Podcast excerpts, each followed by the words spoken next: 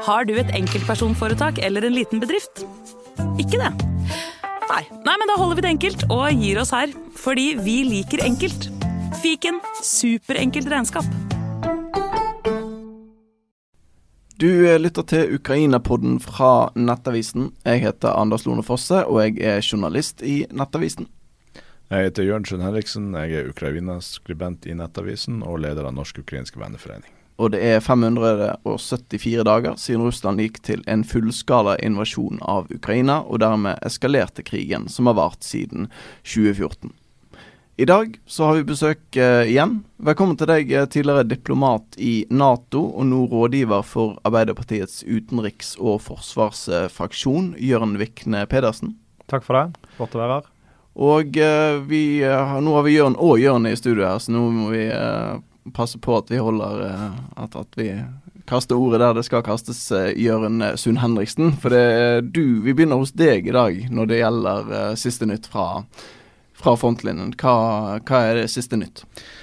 Det er litt stille når det gjelder nyheter fra fronten. Det kan jo også være en indikasjon på at noe er i ferd med å skje. Ukrainerne bruker å ha legge sånn lokk på hva som skjer før de, før de, gjør store ting.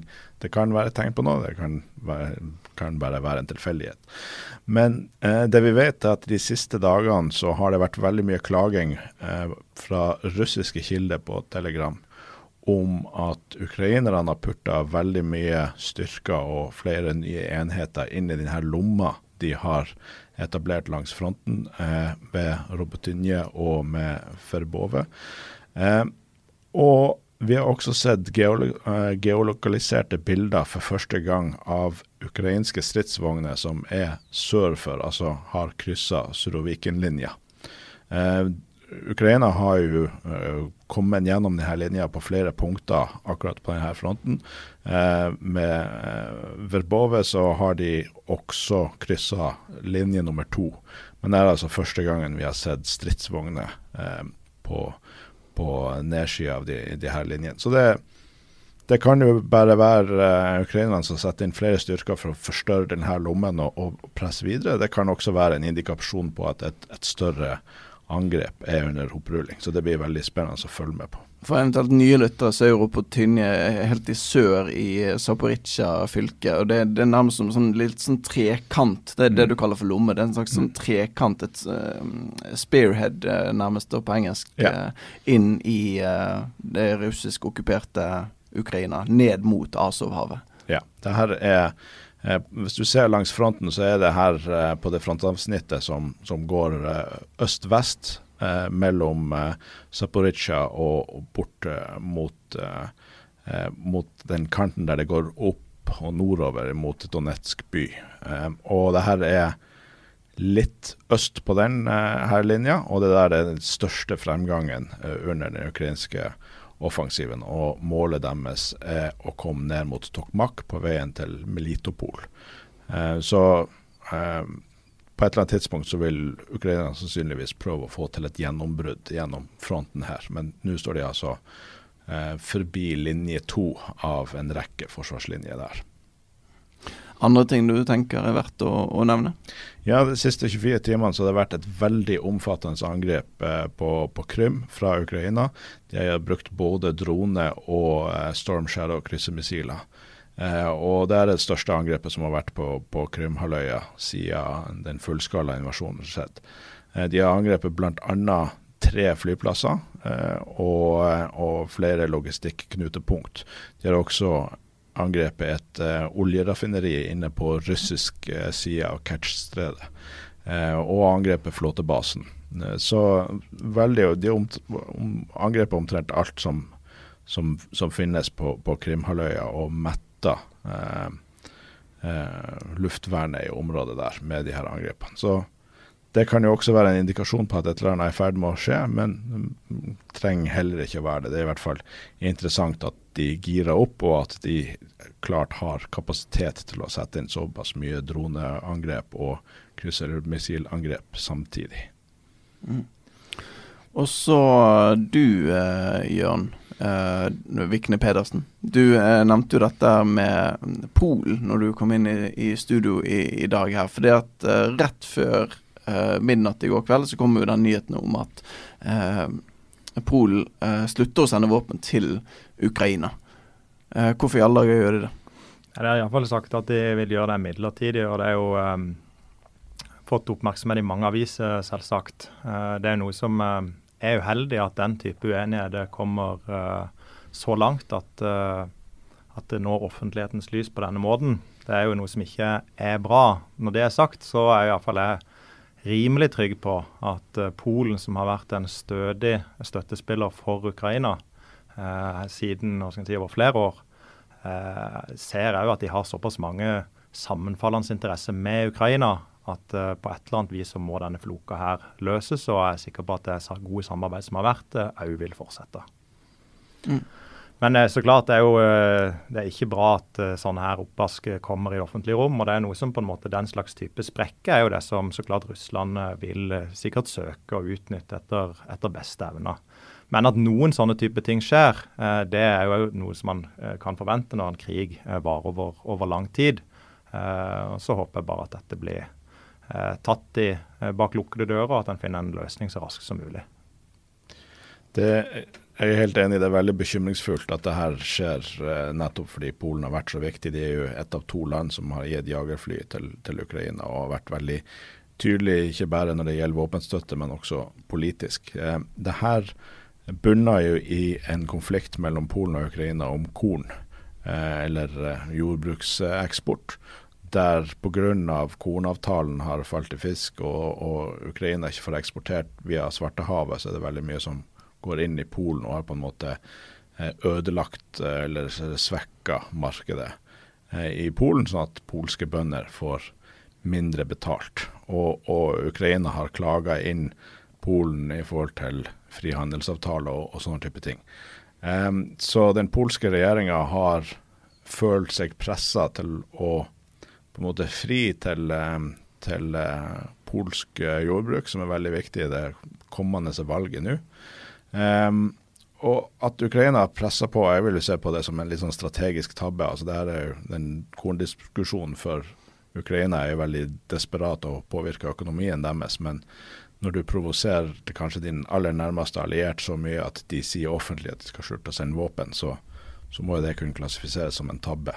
Men nå ser jeg at det har kommet eh, siste timen en del bilder og saker om at eh, Polen, Ukraina og Litauen har signert en landbrukseksportavtale som skal regulere de her tingene. Så, så det virker som kjernen i denne konflikten nå er løst, eller at de i hvert fall sitter ved forhandlingsbordet og skrevet under en avtale sammen. Så, så, så, vi får håpe at det her faktisk er over, og at Polen er liksom tilbake der de skal være. Men signalet med at så nære allierte som Jørn sier, eh, kommer med den type uttalelser offentlig, og, og, den svekkelsen viser jo egentlig at det her er litt skjørt, og det bekymrer meg.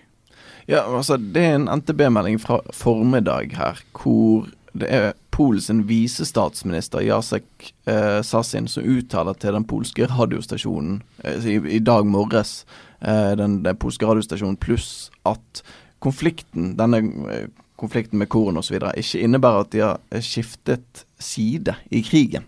Altså Det er jo eh, Jeg vet ikke om man må idiotforklare det for den polske befolkningen, eller, eller er, det liksom, er det så alvorlig, det som foregår nå? Jeg tar det der med en veldig sånn knusende ord. Jeg har ikke hørt om akkurat dette her før. Men eh, en må jo se hva slags spørsmål han har blitt stilt da på radio for at han skal komme med et så uh, underlig svar. Ikke sant? Polen har jo vært uh, helt Eh, eksemplarisk tydelig i, i, eh, på en måte hva de står for, uh, hvor viktig dette er. Så Det gjelder jo på en måte, som Jørn Sund Henriksen her sier, både når det gjelder våpenstøtte og politisk støtte. også, vil jeg legge til det med antallet flyktninger og faktisk antallet ukrainere som har fått en, en trygg havn i Polen. er jo et, enda et moment som, som, sier noe om hvor viktig støttespiller Polen er for det ukrainske folk. Men som føyer seg inn i tabber som, som, har blitt gjort, så har jo Jeg vet ikke om det er fra offisielt hold, men det er i hvert fall en del ukrainske eh, eh, talspersoner og folk med mye følgere som har uttalt at Polen med denne eh, korngreia sånn løper Russland sitt ærend. Og det er på en måte en veldig sånn utaktisk anklage å komme mot, uh, mot de nærmeste alliert, selv om du er frustrert. Og det viser jo bare at de, altså de er ekstremt press, pressa i en ekstrem situasjon og har vært i en eksistensiell krig i ett og et halvt år. Så det blir mye følelser, selvfølgelig. Uh, og det er helt fullt ut forståelig.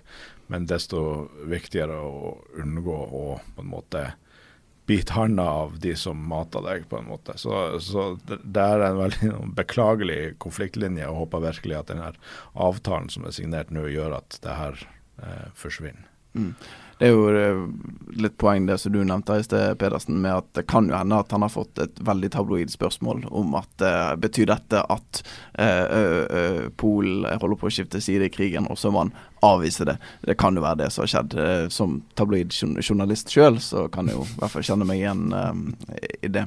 Men det er noe fant jeg, nå har jeg faktisk klikket meg inn på den polske radiostasjonen her. og det han bl.a. sier, er jo det at uh, han eh, viser statsministeren til Polen at hvert land bryr seg om sine egne interesser. Sant? Altså De har støttet og støttet og vil støtte Ukraina i uh, uh, deres kamp mot Russland. Men det er jo også for det, som han sier, at det er jo også i deres interesse. Sant? Mm. Så det er den type avveininger som ethvert lands myndighet må gjøre i en rekke typer spørsmål når det gjelder Ukraina. Jeg må si at um, det er iallfall én ting som denne krigen eh, har ledet til, og det er jo et veldig samla eh, Europa og et samla eh, si, Vesten. Eh, som eh, har stått skulder til skulder med eh, våre naboer i Ukraina i halvannet år, og vel så det. Mm. Og det er jo ingenting, selv om ønsker på en måte dette er uheldig, så skal en heller ikke overdrive proporsjonene på at det på en måte er noen sånne uenigheter som pipler til overflaten. Ja, nå er vi litt inn på det ene lytterspørsmålet som vi faktisk har fått inn uh, i dag. Uh, vi pleier å spare det til slutten, men jeg tar det nå, for nå er vi inne på tematikken her. Og Det er fra uh, en lytter som heter Svein Erik, og han spør hvorfor er de vestlige land så restriktive med å donere våpen, altså artilleri, stridsvogner, pansrede kjøretøy osv.? Uh, hvorfor er de så restriktive uh, med å donere våpen? Ved å begrunne dette med at de ikke kan tømme sine egne lagre. For også, som han, Svein Erik skriver videre, hvem i all verden skal f.eks. angripe Norge, Tyskland, Storbritannia, Frankrike og Polen? Um, for så vidt. Altså, han, som han skriver, alle disse er jo Nato-medlemmer, de er allierte, og det er null prosent sjanse, skriver Svein Erik, for at Russland angriper Nato-land. Uh, Jørn Sund Henriksen, uh, hva tenker du? Det er veldig mange forskjellige faktorer som, som spiller inn. Eh, det er jo den offisielle grunnen, eh, og den er jo på en måte litt riktig. Det er mye, mye, sannhet i den, men det er nok også politiske forskjeller mellom de vestlige landene.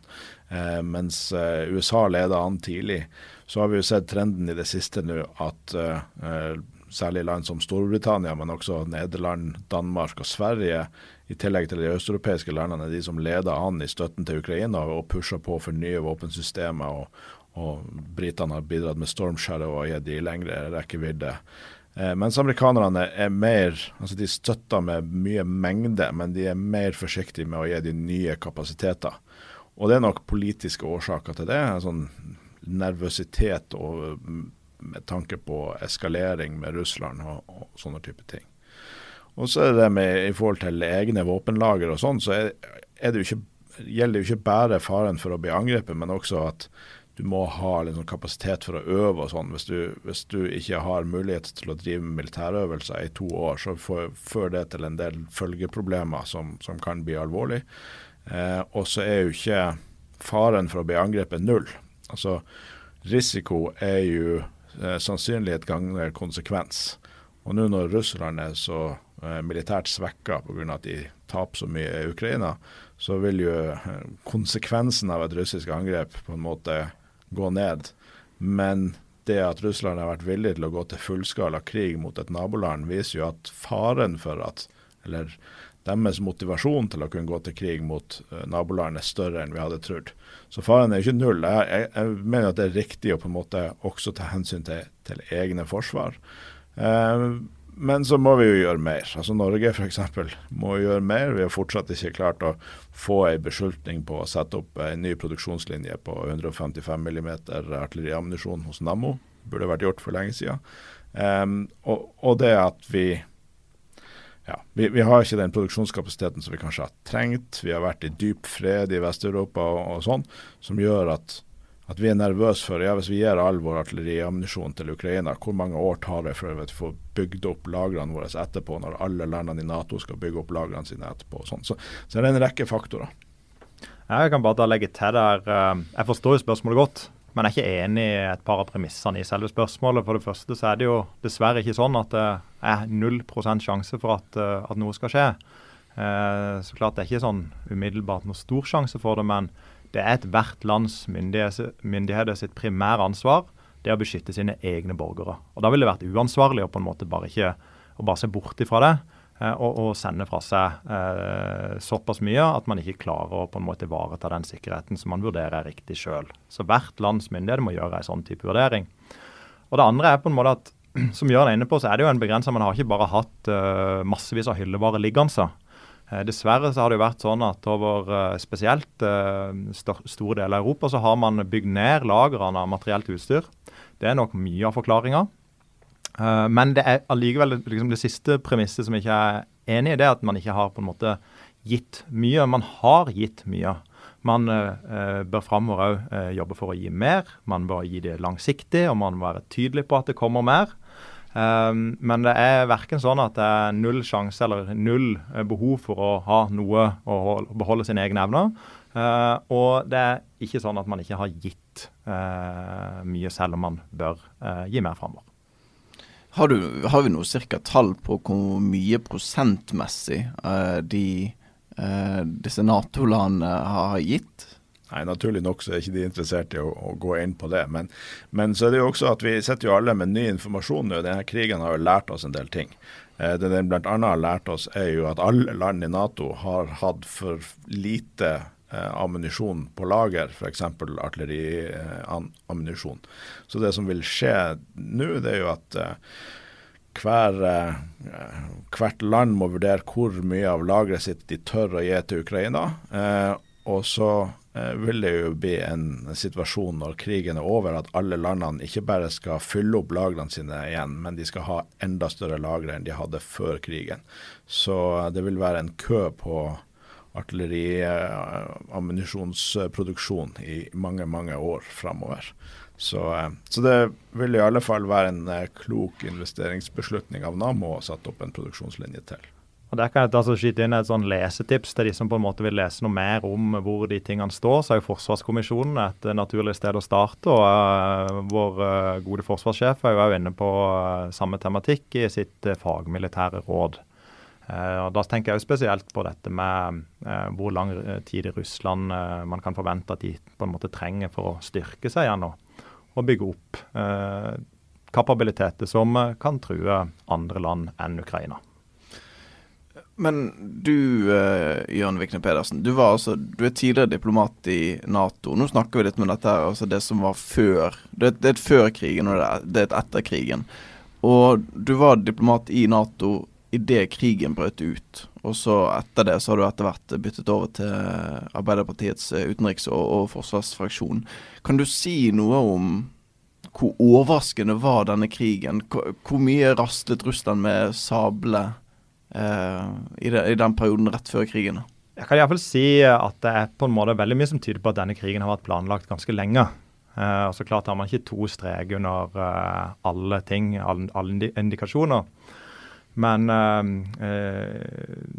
si, fra Natos hold så er jo veldig mye blitt offentliggjort. En har valgt å være eksemplarisk åpen og rett og slett for å bygge tillit rundt hva er det på en måte man holder, holder på med. Men jeg syns det er fint at det, på en måte å komme litt inn på akkurat dette, her, for det er fremdeles ganske mange misforståelser som er rundt forbi. ikke sant?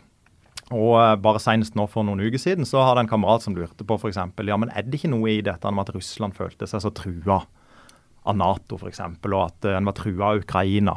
Uh, og at det på en måte Er det noe i dette her narrativet om at de gikk til motangrep nærmest for å beskytte seg sjøl? Og Når en får sånn type spørsmål, så er det av og til litt sånn vanskelig å vite hvor man skal begynne. For når på en måte ikke alle de andre argumentene har bitt på. Så hvor er det man på en måte trenger gjennom til denne personen som fremdeles ikke er overbevist, selv om det har vært på en måte side opp og side ned i avisene og det har vært på nyhetene her og der. Men akkurat når det gjelder det spørsmålet, så tenker jeg i hvert fall at det enkleste svaret er jo bare å se på hva Russland gjorde sjøl. Der var det sånn at man, man bare sendte av gårde kolonne på kolonne med stridsvogner som kjørte langs motorveiene. Og man hadde jo en plan om å ta hele landet i løpet av bare noen få dager.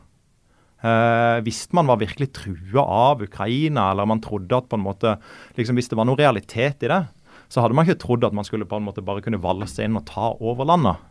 Eh, så det er på en måte iallfall et uh, sånn tydelig eksempel man kan bruke til noen av de tingene som jeg si, der folk er i tvil. Men for min del så, så begynte jo dette her en del før det kom uh, oppslag i avisene. Eller det vil si, New York Times var jo blant de første som skrev allerede våren 2021 ikke sant? at da var det en stor styrkeoppbygging langs uh, den russiske grensa til Ukraina. Og Dette ble jo da offentliggjort fra vestlig hold. Og eh, den eh, russiske forsvarsministeren måtte da ut og si, eller han gikk ut i avisene og sa at nei, nei, dette er bare en øvelse. De skal snart trekkes tilbake igjen. Og så trakk de riktignok tilbake en del styrker og den slags. Men som har blitt skrift om i avisene, så så man jo da at det ble satt igjen utrolig mye mer utstyr enn det som var vanlig. Det gjaldt jo både fra ditten og datten. Det er ikke unaturlig at man setter igjen noe utstyr etter at man har hatt en øvelse, at man ikke tar alt med seg hjem. Men det ble satt igjen utrolig mye mer enn det som er vanlig. ikke sant? Av pansra, vogner osv. Så Derfor så holdt man jo et ekstra øye på den grensa, fulgte ekstra med. Og Det var ikke så langt uh, over sommeren før en på en måte så at nå var ting på gang igjen. Mm. Og uh, da syns jeg på en måte at iallfall uh, Natos generalsekretær Stoltenberg gikk ut 15.11. Og, og på en måte advarte mot dette her. Uh, og da synes jeg på en måte er litt rart eller det var liksom litt rart å se de i Nato ikke se at dette blir tatt ordentlig tak i i norsk media. Eller det fikk jo noen oppslag her og der. Men fremdeles, på en måte, når det nærma seg jul, så var det på en måte sånn Ja, jeg trodde ikke at dette, at dette kunne skje.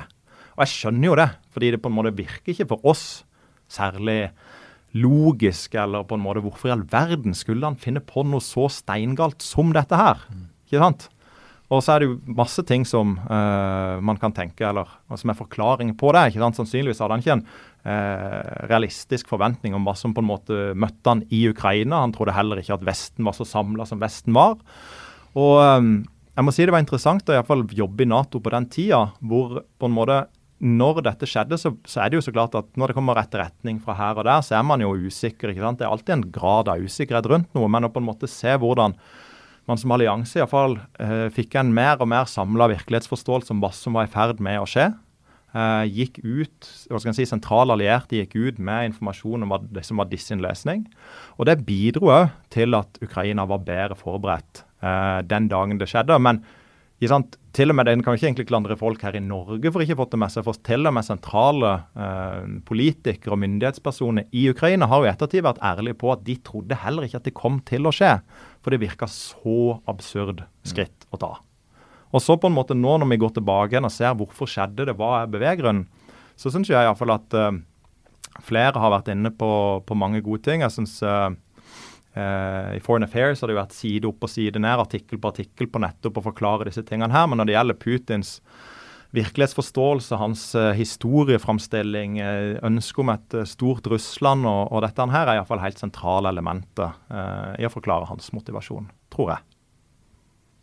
Ja, det har jo vært rapporter også om uenighet mellom, mellom militær- eller overkommandoen i Ukraina og regjeringa om hvor realistisk det var at Russland skulle, skulle angripe. De, de ba bl.a. om å få gjennomføre en, en øvelse på Hostomel-flyplassen, eh, som de frykta var et område som russerne vil bruke til å prøve å angripe Kyiv. Der de fikk nei fra regjeringa for at de sa at det var for hysterisk og krigshissende. Så det var jo nettopp der kanskje det viktigste slaget i krigen slo, slo, ned, når VDV tok den flyplassen. Det var en ekstremt interessant eh, direktereportasje på CNN, der de var på flyplassen der, og så skulle de snakke med noen ukrainske soldater som viste seg å være russisk. Og så i det påfølgende slaget så, så klarte de å, å stoppe russerne sin etablering av base der de skulle flyge inn masse styrker og sånt. Så, så ja, det, det, er absolutt et poeng at selv i Ukraina så, så var det her så absurd at, at man ville liksom ikke ta inn over seg at det kunne skje.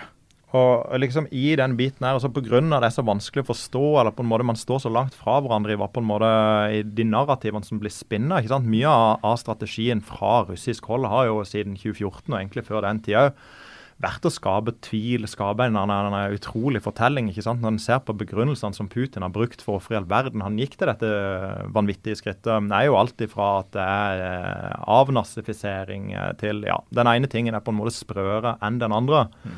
Um, til og med Sverige har jo fått uh, på en måte den slags type beskyldninger mot, uh, mot seg når, når de uh, vurderte, eller når de falt ned på å søke Nato-medlemskap. Eh, det er jo masse sånne eh, trollfabrikk osv. Men det som er utrolig denne gang, er på en måte bare omfanget av det, og at det kommer rett ifra talspersonene i Kreml. Mm. Um, en annen ting som jeg tror den tvilen har ført til, ikke sant, det er sånn, jeg skjønner veldig godt at folk spør om ja, men kan ikke dette, hvorfor skulle prøve, prøvde man ikke diplomati osv. Der vil jeg jo bare anbefale lyttere å på en måte gå litt tilbake igjen i, i avisene. En, en kjempegod uh, sånn en, uh, avisartikkel som en virkelig kan lese selv om man er litt gammel, det er Wall Street Journal som har fra midten av august en sånn kjempegod gjennomgang av hva man prøvde faktisk av diplomatiske ting fra amerikansk hold uh, for å unngå at denne krigen uh, starta. Eller at denne fullskala invasjonen uh, starta, vel rik riktigere å si. Jeg kan bare si da, ikke sant, Jeg satt jo der nede og jobba i Nato-hovedkvarteret. og Eh, Russland sendte jo eh, Plutselig offentliggjorde de en hel haug med krav. Jeg vet ikke om dere husker det? Det var vel i eh, midten av desember eller rundt om der. G, eh, hvor, de, hvor de framsatte en hel haug med krav for at de skulle trekke disse styrkene sine tilbake. Det, var, det gjorde de offentlig. Det var jo f.eks. òg et, et tegn som mange allerede da tyder på at dette her er ikke noen krav som de har tenkt å forhandle om eller, in good faith, på en måte. Eh, men uh, fra Nato uh, sin side så svarte man jo på de med å si at vi ønsker å diskutere en rekke sikkerhetsspørsmål med dere. Og inviterte jo da til et møte i Nato-hovedkvarteret som var i Jeg husker ikke datoen, den var i medio 15.-20. januar. Der troppa Russland opp med et par av sine statssekretærer fra Forsvarsdepartementet og Utenriksdepartementet. Han hadde en sivilisert dialog rundt det. Nato sa at dette er jo detaljerte spørsmål som en må diskutere videre. Uh, en klarte ikke å komme fram til noe uh, hva skal jeg si, Russerne hadde ikke noe Det var ikke noe ønske om liksom å det ble ikke noe forpliktelse til neste møte, men fra Natos side og det her kan man jo lese Stoltenbergs si, innlegg ligger offentlig ute. Det kan man gå inn på nett og lese. Men hva skal jeg si, den type prosess uh, stoppa jo brått 24.2.2022. Og alle som tror at russerne forhandler i god tro, eller at, det, at, her finnes det argumenter på begge sider og sånne ting, og, og, og søker en slags falsk balanse, så anbefaler jeg å se den eh, franske dokumentaren eh, som nå er å finne på NRK. gikk på TV her om dagen, men du finner den på nrk.no, så heter 'Hjernevasking av en nasjon'. Den er veldig bra og går, går inn på hvordan det her ser ut på, på, på, russisk side. Og jeg tror det vil overraske de, de fleste eh, å se hvor ekstremt mange likhetstegn det er eh, mellom hvordan den russiske stat eh, former befolkninga si nå, og det som skjedde i Nazi-Tyskland på, på 30-tallet.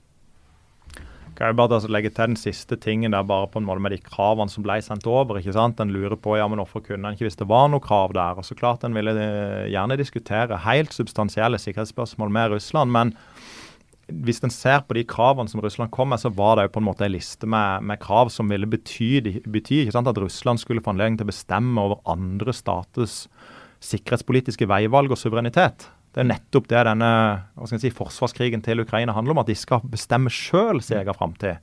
Men i tillegg til det så vil det jo være både i strid med Helsingforserklæringa, Parispakta, Nato-Russland-grunnakta og uh, ikke minst òg FN-pakten. Så det er på en måte, det var så drøye på en måte krav de kom med, og de offentliggjorde det. Eh, før de på en måte sendte de over til noen. Det var på en måte en del av uh, dette spillet som vi ser utspille seg nå, på 300, eh, nei, 500, den 574. dagen siden invasjonen starta. Nettopp dette kampen om narrativet. Hvor man på en måte vrir og vender på det ene og det andre for å prøve å framstå som noe i nærheten av hva skal si, rimelig. Selv om dette som har skjedd nå, uh, og de som har tilgang til uh, uavhengige medier, så er det vanskelig å på en måte nesten ta inn over oss den grusomheten og hvor grovt dette er. Ja, og så tenker jeg altså det, ja, det er noen som mener at ja, men kunne vi bare gått med på alle de her kravene, så har vi hindra krigen. For det første, så, som, som du den veldig bra eh, beskriver, så kan man ikke gjøre det. Man kan ikke tillate at Russland på en måte begynner å bestemme over nabostater. og så For det andre så er det ikke sikkert at det ville hindre krigen i det hele tatt. For at vi hadde en lignende øvelse i Europa på slutten av 30-tallet med appeasement. Og det viser seg at selv om man ga etter en rekke krav mot en aggressor da, så, så ga det bare mer motivasjon til å tvinge nabostater til nye ting.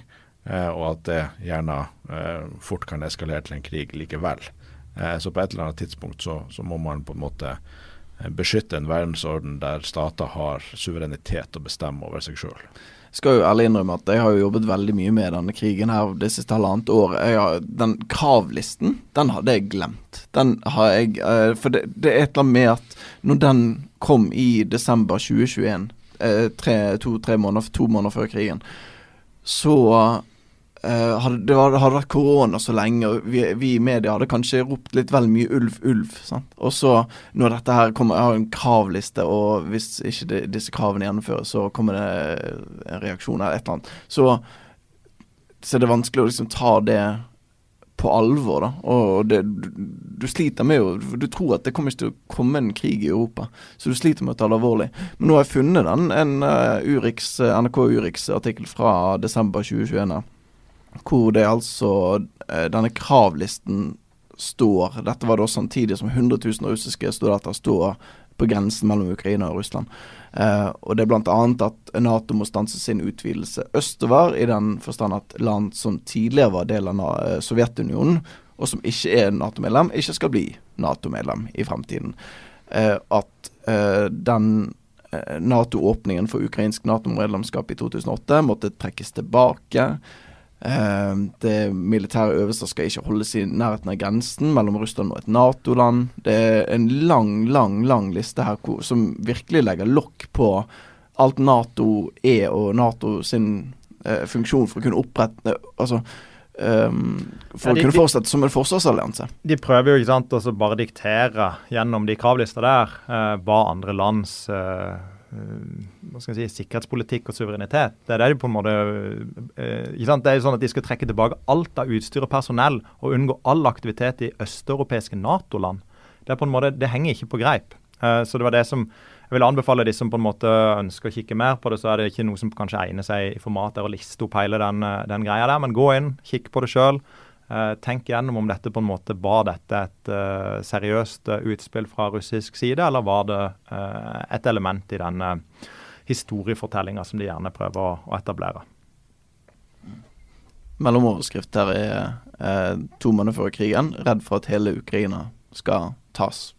Så det er jo for så vidt bra at det, det, ser, ser noe lovende ut enn så lenge, i hvert fall. At det ikke går den veien. Selv om det det går sakte fremover, men det går nå for all del fremover for, for Ukraina. Eh, Jørn? Ja, det er Nå er det russerne som er på hælen hele veien langs, eh, langs fronten. og, eh, og, og Ukraina presser på, så får vi se om om det nærmer seg et gjennombrudd, eller om de må kverne videre. Men et interessant eh, element, eh, nå hopper vi litt temamessig, men i går så kom det jo flere videoer av droneangrep i Sudan. Og CNN kunne etter hvert avsløre at i de videoene så er det ukrainsk språk på, på teksten og sånn som er på de dronevideoene. Så det, det tyder på at Ukraina har tatt krigen til Wagner-aktivitet i, i Afrika. og er, det er en vektig, vektig del av russerne sin, sin, inntekt og tilgang på mineraler og, og den type ting. Og, og, Wagner holder jo på i en rekke eh, afrikanske land med omfattende menneskerettighetsbrudd som er så brutale at det er eh, egentlig ikke anbefalt å gå inn i detaljene på det. Men, men eh, altså eh, kupp i Niger og, og, og sånne type ting. Det, det, er helt klart at, at russerne er veldig aktiv i Afrika. Jeg syns jo at Vesten har vært eh, egentlig litt for tilbakeholden og ikke på ballen i forhold til å la russerne gjennom Wagner få herje fritt på den type måten og undergrave fungerende demokrati i Afrika og, og sånne type ting. Så vi får se hva, hva ukrainerne ønsker å oppnå med det. Men, men det er jo på en måte en slags utvidelse av krigen at, at, at russere og russiske interesser blir, blir ramma andre plasser på planeten. Ja, for det, altså, det er jo ikke noe verdenskrig, dette, men du merker jo at verden er mer globalisert nå enn for 200 år siden, mm. når, når, Napoleon og, og kompani holdt på. Det, det, det er mange eh, diplomatiske forbindelser og hele tiden noen sånn småbesøk her og der. Nå, Kim Jong-un var jo på besøk, ikke småbesøk det kanskje, Kim Jong-un var på besøk i, i Russland. Uh, Russland og Kina, eh, hva blir Kinas rolle framover, Jørn Vikne Pedersen? Nei, Jeg tror at, uh, jeg vil bare understreke at alle disse tingene når en skal drive og se ting framover, så er det jo stor usikkerhet. og En skal jo ta alt men, men klype salt uh, av hvor mye man kan vite. Men det er jo et par ting som i synes er interessant å notere seg når det gjelder Kina. De er jo, de er jo aktive eh, internasjonalt når det gjelder denne Ukraina-krigen. ikke sant? Nå i vår så har det vært mye diskusjon i norske medier bl.a. knytta til dette såkalte fredsinitiativet fra Kina Det var det jo, eh, husker jo her på radioen våkna en morgen. ikke sant? Det, det, er flere som mener at en burde ta Norge og andre burde støtte mer helhjertet opp om det kinesiske fredsinitiativet osv. osv. Sjøl så, så tenker jeg iallfall at det, det, det, er bra med, med hva skal en si, eh, initiativ for å prøve å få til en ny dynamikk. Men en skal iallfall være klar over at Kina ikke er noen nøytral part i denne konflikten, selv om de har forsøkt å portrettere, eh, portrettere seg som det egentlig helt siden start. Ikke sant? Den har jo, eh, Alle husker jo uh, møtet mellom uh, Xi og Putin rett før invasjonen. ikke sant? Det var jo OL i Kina. Og man kom da på en måte med nye lovnader om at man var allværsvenn og på en måte det var sterkere enn noen gang uh, dette vennskapet og det samarbeidet mellom Kina og Russland. Og så trodde mange kanskje at uh, det ville på en måte tones litt ned etter invasjonen, men det har jo ikke skjedd, dessverre. ikke sant? Eh, Kinas utenriksminister har jo sagt bare liksom senest for ja, tidligere i år at, at, på en måte man skal jobbe for å styrke samarbeidet på alle flater enda mer. man har jo hatt en rekke militære øvelser sammen. det er på en måte noe som som uh, er verdt å ha i bakhodet. At de har en strategisk interesse, de har et strategisk samarbeid med Russland. Uh, og jeg syns at det er på en måte bemerkelsesverdig at ikke, at ikke på en måte man har tona ned selv til og med den militære øvelsesaktiviteten sammen med et land som, som bryter FN-pakten på det groveste og jeg har en fullskala invasjon av et naboland. Det, det, er jo ikke sånn at jeg kan si ja, men er disse øvelsene så viktige? Altså, ja, de er, de er viktige. Eh, det er ikke sånn at de trener. Sånne øvelser bidrar jo til å, å styrke Russlands eh, eh, hva skal jeg si, kompetanse. De trener jo ikke for å bli dårligere, de trener ikke for, trener ikke for å bli treigere. De trener for å bli raskere og mer effektive i det de holder på med. De trener på eh, ting som òg på en måte man drar nytte av, enten det er i Ukraina eller, eller andre steder. Så så Kina er en aktiv deltaker på den internasjonale scenen, og de har òg et aktivt samarbeid med Russland. Um, men et, et si, sentralt spørsmål er jo hvor uh, mye innflytelse har uh, Xi Jinping over president Putin. Og Der er jo på en måte òg analysene spriker jo litt. Jeg syns det er verdt å merke seg type, uh, hva, si, hva som skjer etter hvert av disse møtene. Jeg vet ikke om dere husker f.eks. i mars så var det jo et uh, stort og viktig møte mellom Xi og Putin i Moskva.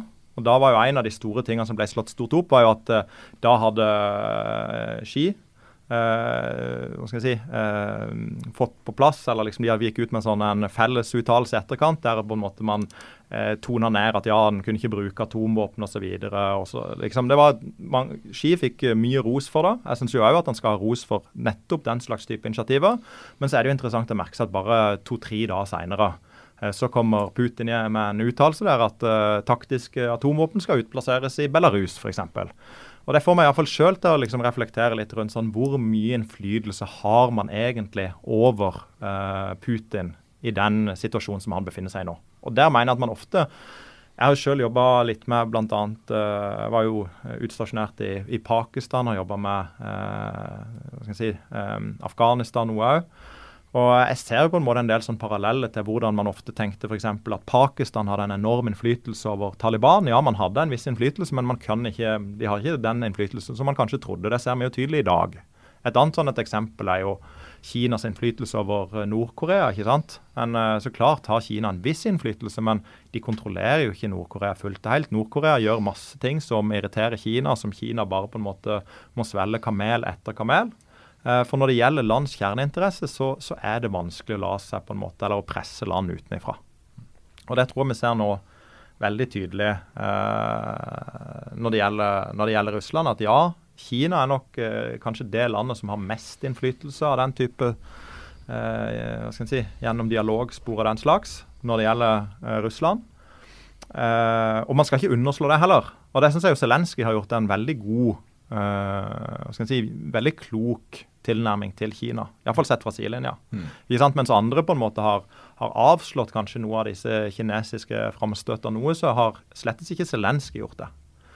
Og uh, Enkelte, f.eks. Kotkin, har jo på, pekt på det. At nei, det er pga. at uh, hva skal jeg si, um, mange uh, Putins underskrift på en eller annen eh, våpenhvileavtale en gang fram i tid har ikke så mye å si. Hans underskrift har kanskje ikke den store verdien. Eh, kanskje spesielt ikke for ukrainere, gitt alle de andre lovnadene som har blitt gitt opp gjennom historien. Men de har mer å si dersom på en måte det blir skrift under på uh, den type ting i Beijing. Mm. Um, så um, Kina er definitivt en viktig aktør. Det er noe en aktør som er viktig å ha en, en, en aktiv dialog med. Eh, men på samme måte som at vi eh, heller ikke er noen nøytral part i denne krigen. Vi støtter aktivt opp om Ukraina, så skal vi ikke ha noen illusjon om at Kina på en måte eh, kan være en slags nøytral mellommann i denne konflikten. Dessverre.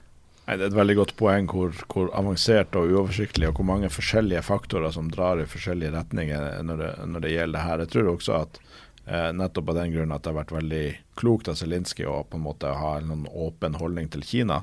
Og Det har han jo gjentatt nå eh, i, i, New York under eh, generalforsamlinga til FN og hadde et møte med Lula, som har vært en veldig prorussisk aktør, eh, og, prøver på en måte få innpass der. Men vi må huske på at Kina og Russland, altså, selv om de er, sier selv at de er bestevenner, så er de jo også på mange områder rivaler i, i Asia.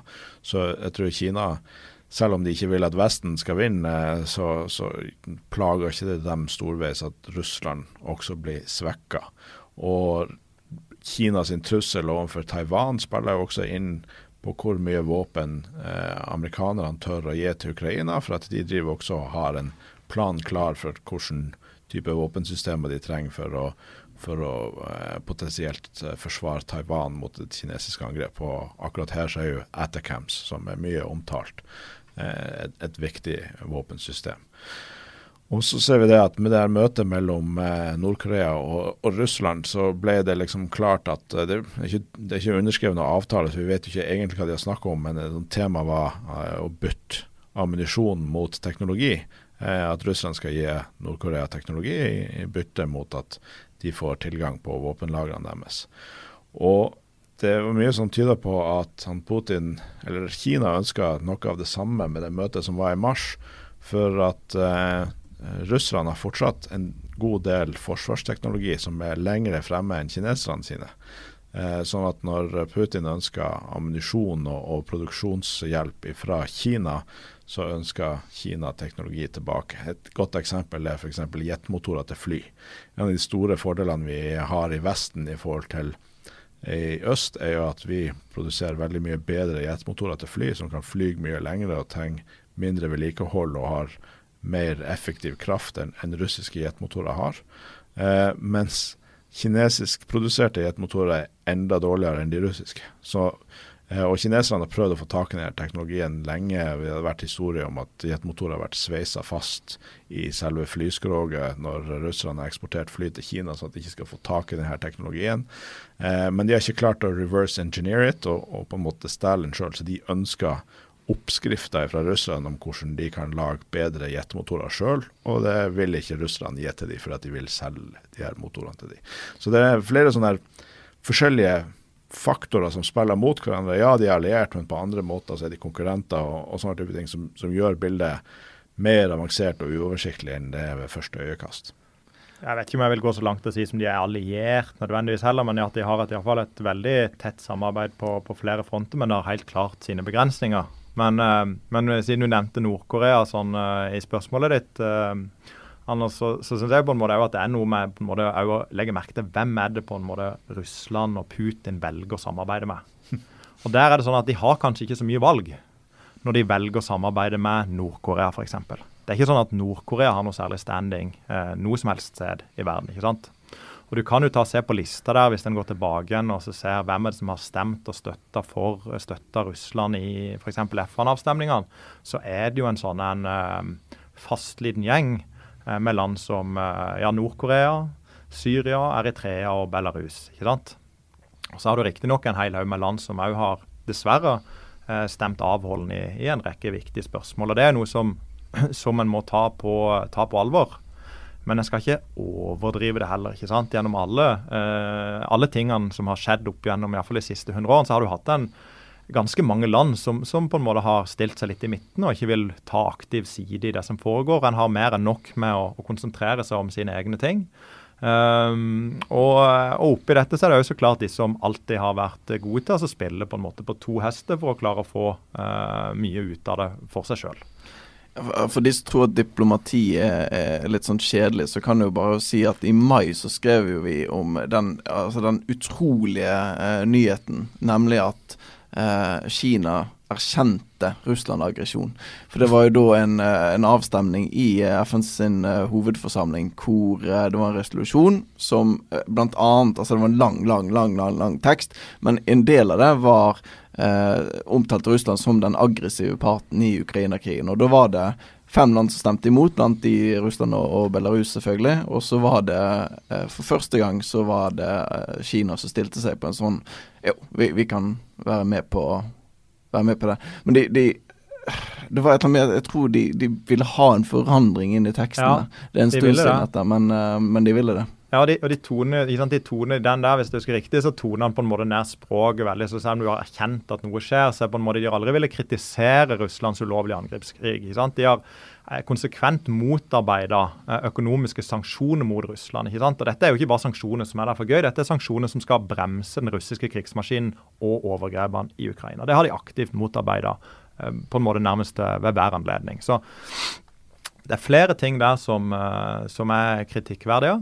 Eh, men vi bør ikke på en måte være overraska av det heller, sånn som uh, tingene i dag ser ut. Nei, for det som uh, En som jeg pratet med i den, den gangen, mente, altså en Kina-ekspert, Kina mente jo at dette kanskje kunne være som første tegn på at Kina begynte liksom å distansere seg litt fra Russland. Men så kommer jo nyheten i går om at nå skal Putin til Kina i oktober. han har ikke vært der siden, som du nevnte, rett før krigen. Um, og han, eh, Jeg har faktisk en liste her. Det, det er riktignok Wikipedia, men det, det, jeg har prøvd å google litt ved siden av òg. Og det, det, er ikke mange utenlandsturene president Putin har tatt siden eh, invasjonen startet. Det er stort sett Tadsjikistan og Turkmenistan og Iran har vært en tur innom. Um, men det er de, stort sett de landene som er enige med, med Russland i, i FNs hovedforsamling også. Ja. Nei, det. Men, men ja. Det er bare én ting som jeg vil legge til. liksom sånn at, uh, si et, eh, Kanskje litt sånn flåsete sagt, men et uh, favorittordtak som jeg har her i, i, Norge, er på en måte at det er aldri så galt at ikke det er godt for noe. Um, og det som i alle fall uh, hva skal jeg si, Som en konsekvens av denne krigen, så har jo Europa samla seg. Og han har på en måte fått en mer samforent forståelse med amerikanerne og canadierne og på en måte alle allierte når det gjelder Kinas rolle. ikke sant? Der var det jo et stort, mye større sprik før, uh, før uh, fullskalainvasjonen i, i, Ukraina, på hvor på en måte var på en måte, Hvordan skulle vi forholde oss til Kina? Et tydelig eksempel på det var jo uh, Nato-kommunikéet fra i fjor. Men han har jo sett det på en måte, hvis en følger med i en hel haug med uttalelser, at der har han på en måte samla seg veldig. Så den uh, sterke, eller den si, varierte forståelsen som jeg si, noen europeiske land hadde, uh, f.eks. å kontrastere det med, med, det amerikanske synet, den avstanden har blitt betydelig mindre. Og Det tror jeg er til vår alles, uh, vår alles fordel. Så skjer det jo veldig mye spennende sånn geopolitisk. altså Kaukasus er jo et område der det, det skjer veldig mye. Det, vi har snakka tidligere om eh, det Norge Borchgrevink i Helsingforskomiteen kaller et, eh, et jordskjelv. At Armenia har uh, hatt militærøvelse med, med, amerikanerne. Der har det jo skjedd mye i det siste. I dag er forresten Armenia sin nasjonaldag, så gratulerer til de. Det er også pappa sin bursdag, så gratulerer til han. Eh, men, men det som skjer der, med den økte spenninga mellom Armenia og Aserbajdsjan, og krigføringa som har vært i denne armensk-etniske enklaven i Aserbajdsjan, men som er en del av internasjonalt anerkjent aserbajdsjansk territorium, eh, er jo også en sånn ting som, som skaper litt rot eh, i, i, forhold til konfliktlinjen når det gjelder Ukraina. For at eh, Tyrkia eh, bl.a. støtta Aserbajdsjan. Eh, og Armenia har vært støtta av Russland hele veien, men de har ikke fått den støtten de ønsker, så de orienterer seg nå vestover mot Europa. Så amerikanerne har vært veldig tydelige overfor Aserbajdsjan at de vil at de skal stoppe krigshandlingen og, og, og sånne type ting. Mens Aserbajdsjan også har hjulpet Ukraina mye. Så det er jo helt klart i, i Russlands interesse at det popper opp sånne nye konflikter i, i området der, og, og at det er liksom som forstyrrer eh, de alliansene som, som du Jørn nevner som er blitt veldig styrka av det her. Og så er det interessant at den lista med, med land som han, eh, Joe Biden skal møte eh, nå én til én, er veldig mange land fra Kaukasus, altså Usbekistan, eh, Tadsjikistan og, og, og, forskjellig sånn. Og Det er tydelig en slags amerikansk offensiv om å prøve å få de her eh, landene i Kaukasus som er veldig nært knytta til Russland, til å kanskje åpne seg mer opp imot uh, vest. Så, så, det er et slags sånn, geopolitisk sjakkspill som foregår nå, der, der uh, Ukraina på en måte har utlyst en, en større slags internasjonal konkurranse mellom øst og vest. Jeg så er jeg er imponert over ukrainerne sjøl. De har jo hatt et voldsomt skytteldiplomati, reist rundt uh, mange, mange, mange land. Uh, som til tross for at det pågår en krig, så har de på en måte en veldig aktiv utenrikstjeneste som jobber på både dag og natt. Og jeg syns det er fint at uh, hva skal en si, um, vi òg uh, jobber på for å faktisk Dette er jo noe som er i vår interesse òg, oss her i Norge. At den ikke den type aggresjonskrig vinner frem. Uh, det er noe som Vi må beskytte den, det systemet som vi har bygd opp tiår etter tiår. og er, vi må jo på en måte litt sånn, ikke, Selv om det er noe som foregår rett i vårt nærområde, uh, som er så alvorlig, så må vi klare å ha flere tanker i hodet samtidig. Og vi må kunne, mm, klare å ha blikket på at det skjer ting andre steder. For så klart, selv om det er utrolig store lidelser nå i Ukraina, som ikke kan overdrives i det hele tatt, så betyr ikke det at vi må på en måte Vi kan ikke glemme de andre store krisene. Du nevnte jo Sahel. En kan jo nevne ikke sant, sånn som den ser katastrofer i eh, Libya nå. En har Jemen. En har eh, flere kriser i Latin-Amerika.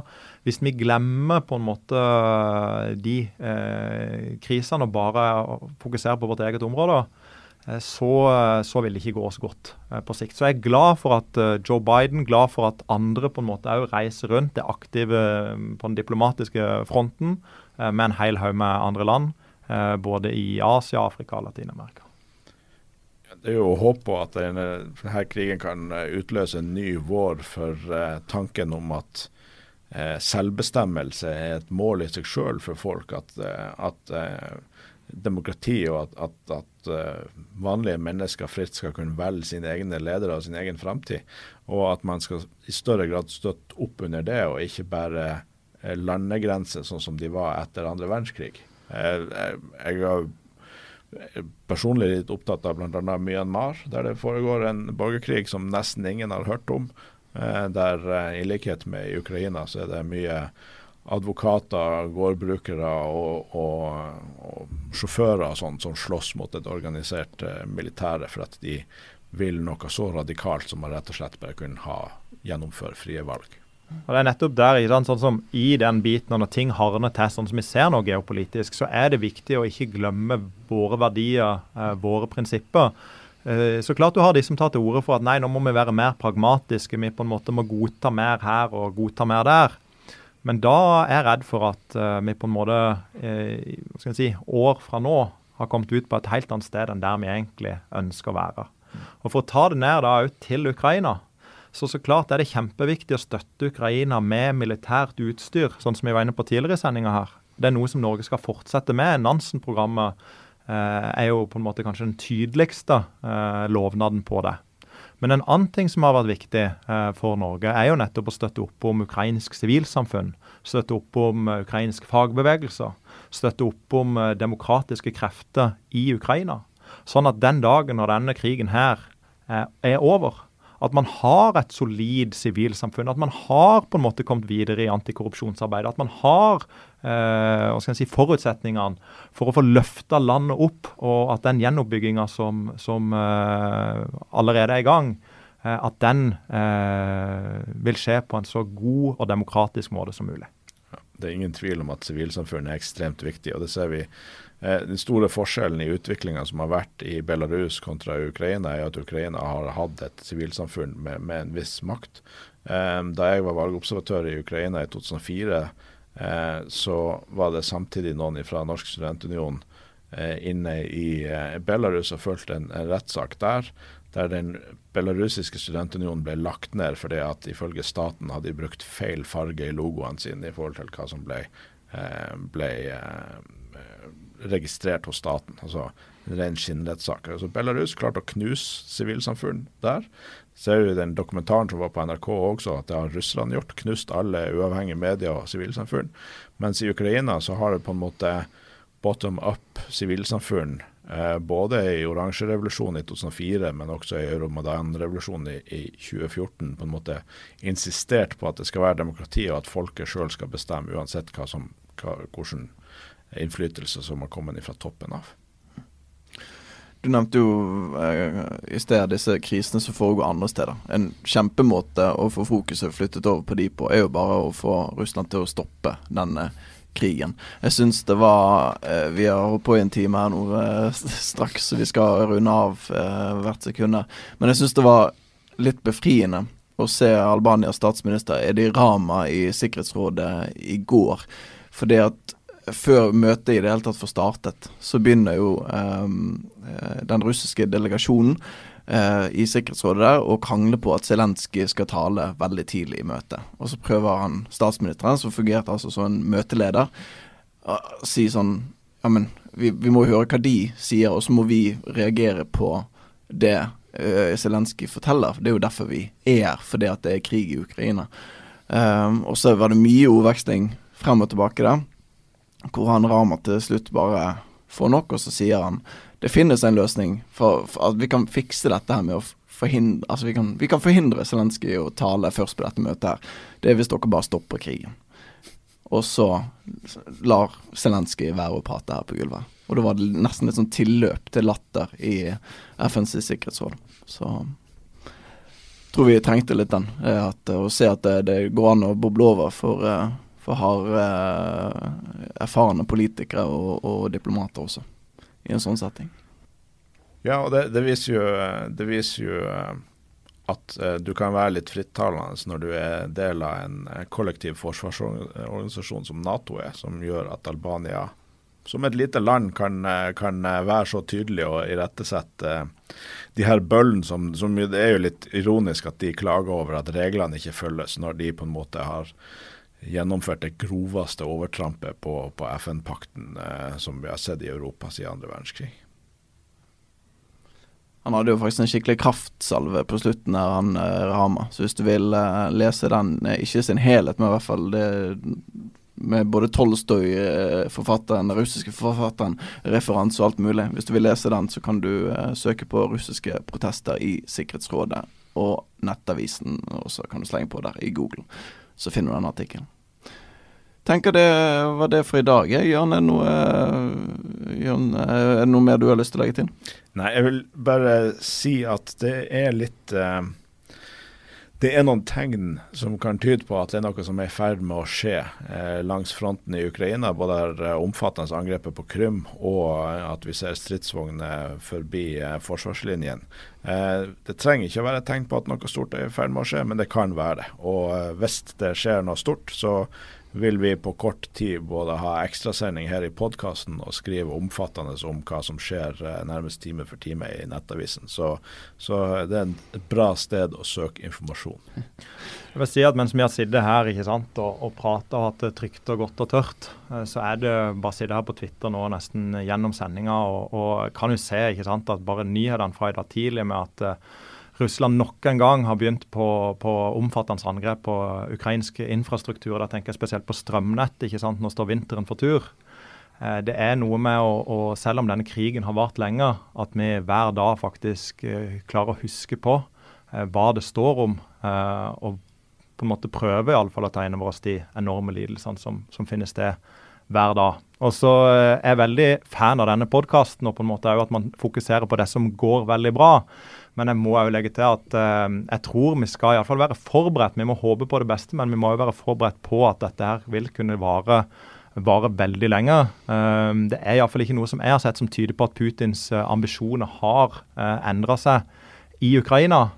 Uh, og at vi derfor på en måte må ha en tålmodighet og en fasthet, og at vi òg her i Norge, om strømmen blir dyr eller at ting blir dyrt, så må vi iallfall aldri eh, nøler når det gjelder eh, vår støtte til den ukrainske frihetskampen. Ja, Det er et veldig godt poeng. og Det å gå inn i dybden i de lidelsene som foregår i Ukraina, og, og hvordan denne krigen rammer eh, sivile der, det, det, kan bli ganske mørkt og, og tungt. og eh, Jeg vil anbefale folk å finne en balanse mellom å på en måte forstå det, for det burde vi gjøre. Vi burde tåle å, lese og fordype oss i det når de faktisk lever det. Men det er også en del bilder der ute som bare er så ille at det, det det er, er, ikke bra for sinnet å, å se dem. Og, og, som Jørn sier, altså, vi vet ikke at denne krigen er over, men det som i alle fall er klart, det er at Ukraina går inn i en ny vinter eh, og en ny kuldeperiode der russerne har en ambisjon om å ødelegge eh, energiforsyningen, eh, sånn at folk skal fryse. Og det er mange ting å gjøre med det. Mange organisasjoner som gjør viktig arbeid. Eh, stater som støtter Fritt Ukraina, som kjører eh, generator og sånn nedover. Men den absolutt viktigste tingen som kan beskytte eh, den ukrainske sivilbefolkninga mot angrep og mot kulde eh, i den vinteren som kommer, det er å raskest mulig få vestlige jagerfly som kan beskytte luftrommet deres bedre. Så, så det er kanskje noe å, og pushe på også i, i Norge, der jo eh, regjeringa eh, spiller en viktig rolle. Og helt, helt, helt til slutt her nå. Eh, vi var inne på det at du, Jan, du er litt sånn Du kan kanskje være litt sånn optimistisk i denne krigen her. Og som, uh, som det ble nevnt fra siden her, fra sørlendingen her, at vi må jo være forberedt på at dette kan det kan ta sin tid også. Vi har faktisk fått et lytterspørsmål om din optimisme. Men det tar vi neste gang, for nå har vi holdt på i en uh, time. Så um, takk for at du lyttet på. Og så um, høres vi igjen i neste episode av Nettavisen sin Ukraina-pod.